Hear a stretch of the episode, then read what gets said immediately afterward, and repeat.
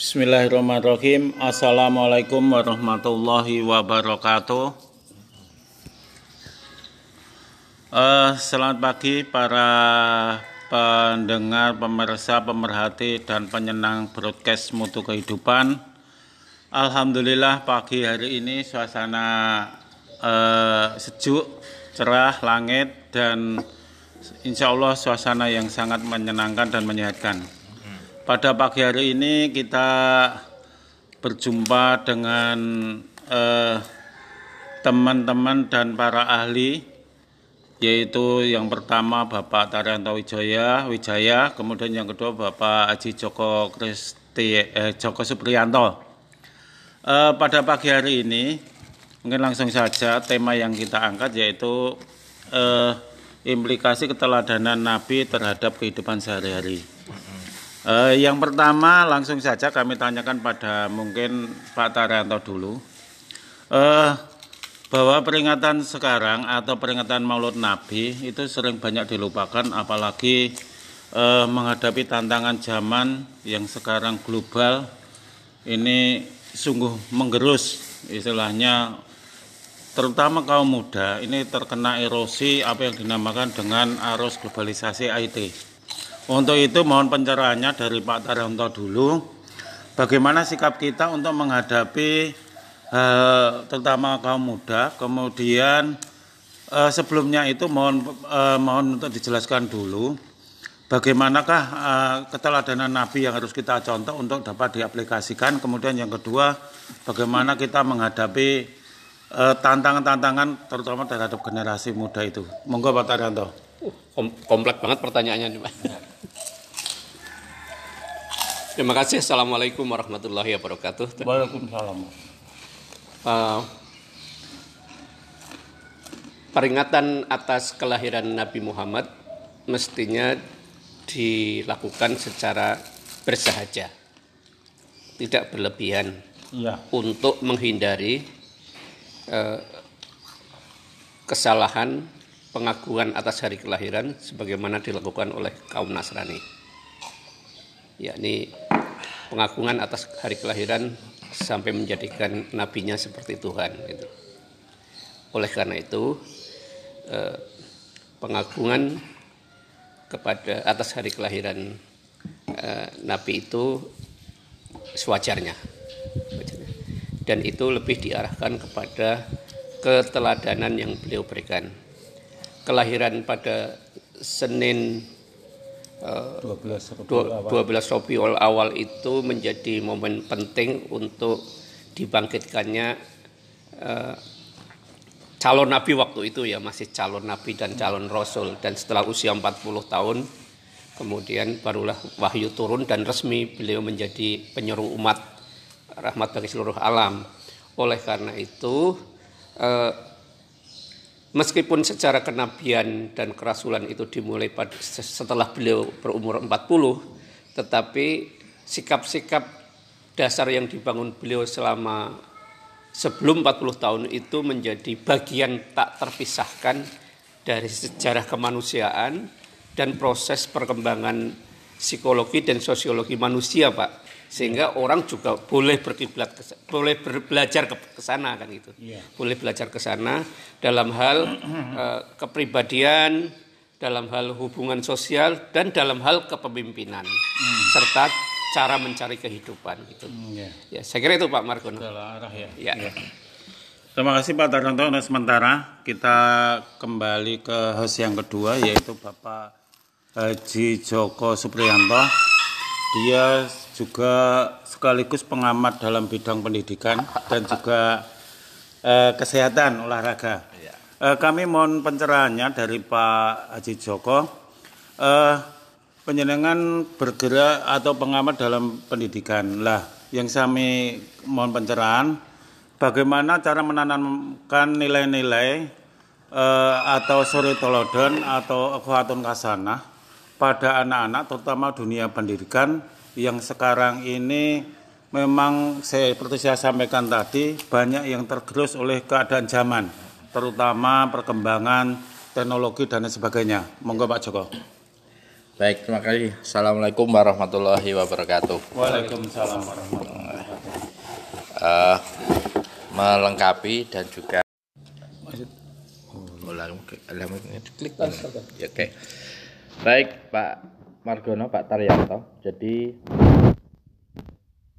ada mungkin uh, pemikiran dan pandangan kita bersama bahwa Tuhan atau Allah mengutus Rasulnya itu berasal dari realitas sosialnya sendiri hmm. yang memungkinkan mudah untuk melakukan transformasi perubahan yang diinginkan.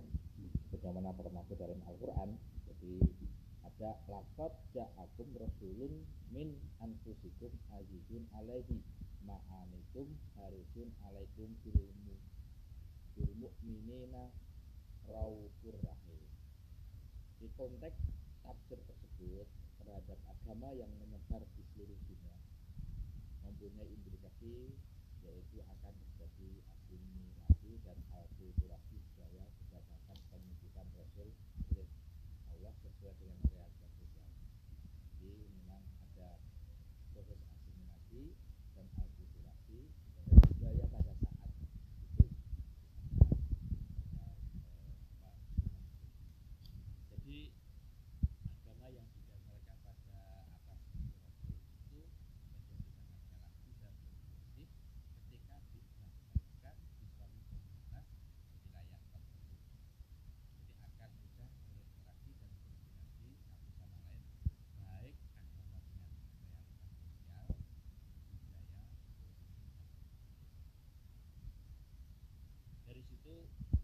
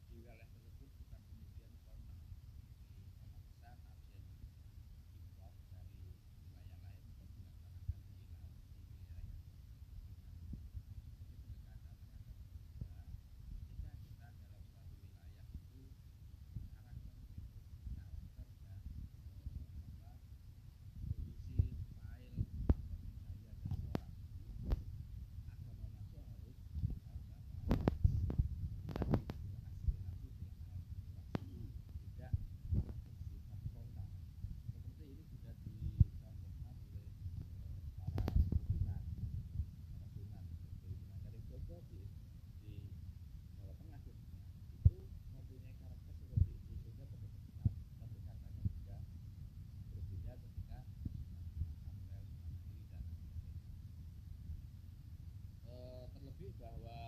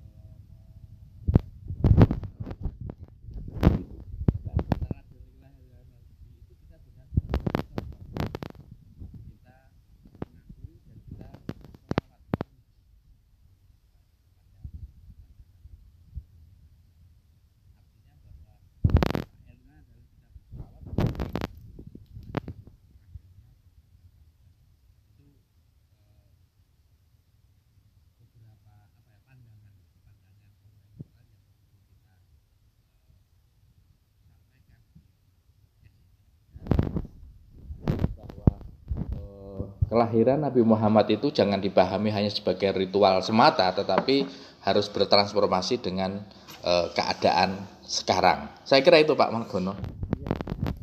Oh, sangat menarik sekali apa yang disampaikan sebagai catatan saya. Yang pertama bahwa salah satu suatu kasanah kanjeng Nabi yaitu santun. Kemudian dalam berjihad dia tidak frontal, artinya memakai pendekatan bisa kultural, bisa apa sesuai dengan keadaan komunitas di masyarakat itu. Lah, ini kembali ke Pak Taryanto. Bagaimanakah ini apa yang disampaikan oleh Pak Joko tadi dalam implikasi keadaan terutama yang sesuai dengan kondisi di terutama di wilayah Wonogiri, kemudian umumnya di Indonesia bahwa apakah hal-hal ini sudah diaplikasikan kepada masyarakat artinya bahwa masyarakat ini sudah melek belum atau sudah tahu belum bahwa sifat kanjeng Nabi itu adalah santun, kemudian cara berdakwah bagi orang-orang tertentu itu dengan eh, istilah tidak frontal dengan pendekatan komunitas yang ada. Lah itu sampai sejauh mana Pak Taryanto? Monggo. Iya Pak, nuwun Pak. Eh, menurut saya yang pertama perlu diletakkan atas pertanyaan Pak Margono itu adalah bahwa Islam sebagai agama yang dipilih oleh Tuhan gitu ya. Itu supaya bisa dicontoh dengan baik oleh manusia, maka diutuslah nabi dan rasul. Gitu ya. Iya. Dan Islam itu kan isinya prinsip-prinsip dasar ya yang sesuai dengan fitrah atau sifat dasar manusia di belahan bumi, bumi mana pun itu. Iya. Dengan demikian, eh, ketika eh, Nabi dan Rasul berdakwah di mana pun, yang dibawa itu sama, misinya sama adalah tauhid Islam. Nah, kemudian eh, kalau muncul ketakutan akan penerimaan Islam, ya itu karena mungkin akan ada perubahan baru yang mengancam kemapanan seseorang atau sekelompok orang gitu pak, sehingga menimbulkan penolakan. Tetapi sebenarnya eh, Islam itu melalui Nabi dan Rasulnya hadir sebagai rahmat untuk seluruh alam, memberikan keteladanan untuk semua, ya, untuk semua bagian komunitas manusia di belahan bumi mana pun. Dengan demikian tidak perlu ada ketakutan untuk menerima Islam. Ya. Karena Islam hadir untuk menebarkan rahmat. Itu yang pertama. Yang kedua, keteladanan kepada nabi itu eh, adalah dengan hanya satu jalan, mengikuti jalannya. Ya, mengikuti jalannya Kanjeng Nabi gitu. Ya. Karena di surat Ali Imran itu dijelaskan eh, taatilah ke, taatlah kepadaku ya, ya Rasul. dan taatlah kepada Rasul. Artinya ketaatan kepada Allah itu ditunjukkan dengan ketaatan kepada Rasul. Jadi jadi Rasul itu menjadi keteladanan yang yang prinsipil dan keteladanan itu itu tidak lekang oleh zaman. Zaman Jadi meskipun sudah 14 abad yang lalu tetap masih masih aktual aktual, aktif karena karena keteladanan oleh Nabi itu mendahului perubahan dan capaian yang mampu dibangun oleh manusia. Gitu ya. Keteladan jadi eh, kalau misalnya eh, keteladanan itu sudah sampai langkah 100, langkah peradaban akal dan peradaban manusia itu baru pada 10, 15, 20 gitu ya. Ini masih jauh ke sana. Oleh karena itu eh, bagi segenap kaum muda, kaum dewasa meneladani Nabi itu adalah proses terus menerus. Ya, jadi jangan merasa sudah sempurna karena sudah membaca sirah Nabi, gitu ya, karena sudah menjadi- atau sudah melakukan kajian ya. belum ya kita semua belum belum Sampai apa-apa. belum sampai kesempurnaan itu adalah melalui proses belajar bersama, melakukan bersama, mengevaluasi bersama, memperbaiki bersama lagi gitulah. Itulah keteladanan kepada Nabi dan itu diawali dengan ke- kembali kita mengaktifkan majelis-majelis ilmu. Majelis-majelis nasihat seperti ini kayak gitu. Saya kira gitu, Pak. Dengan demikian eh, tergesernya perhatian kaum muda oleh informasi di arus media sosial dan internet, saya kira perlu kita kembalikan lagi ke arus utama, arus kehidupan normal yang dibimbing oleh agama. Sehingga dengan demikian, itulah sumbangan terbesar umat Islam Indonesia untuk mengokohkan Pancasila di era perubahan ini. Dengan demikian, memperingati Maulid Nabi itu sekaligus sedang menguatkan Pancasila dan NKRI kita gitulah. Saya kira gitu Pak nuwun. Nggih, terima kasih Pak Daryanto. Eh, menyambung lagi eh, apa yang disampaikan oleh Pak Daryanto bahwa ajaran Nabi yaitu selalu aktual dan berlaku sepanjang zaman. Ibarat kalau kita implikasikan kita itu berjalan itu hanya kaja ajaran Nabi itu misalkan 100 kilo, kita itu baru berjalan 10 kilo. Lah ini kembali ke Pak Joko.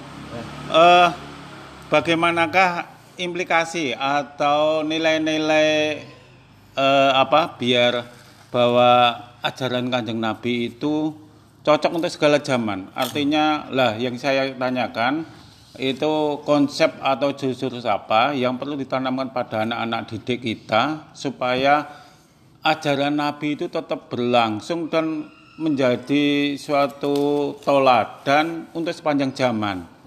Karena era globalisasi yang disampaikan Pak Taranto dengan adanya med- sosial media, internet dan sebagainya, itu sangat berpengaruh dampak besar sekali terutama bagi eh, perkembangan anak, terutama dalam mencikapi ajaran-ajaran Nabi ini. Monggo Pak Joko. Baik. Jadi begini. Jadi keteladanan Nabi Muhammad Shallallahu Alaihi Wasallam yang sudah dicontohkan pada kehidupan beliau pada saat eh, itu, jadi pada zaman itu, tentunya eh, nanti nilai-nilai itu yang kita ambil. Kita nilai itu yang kita contoh.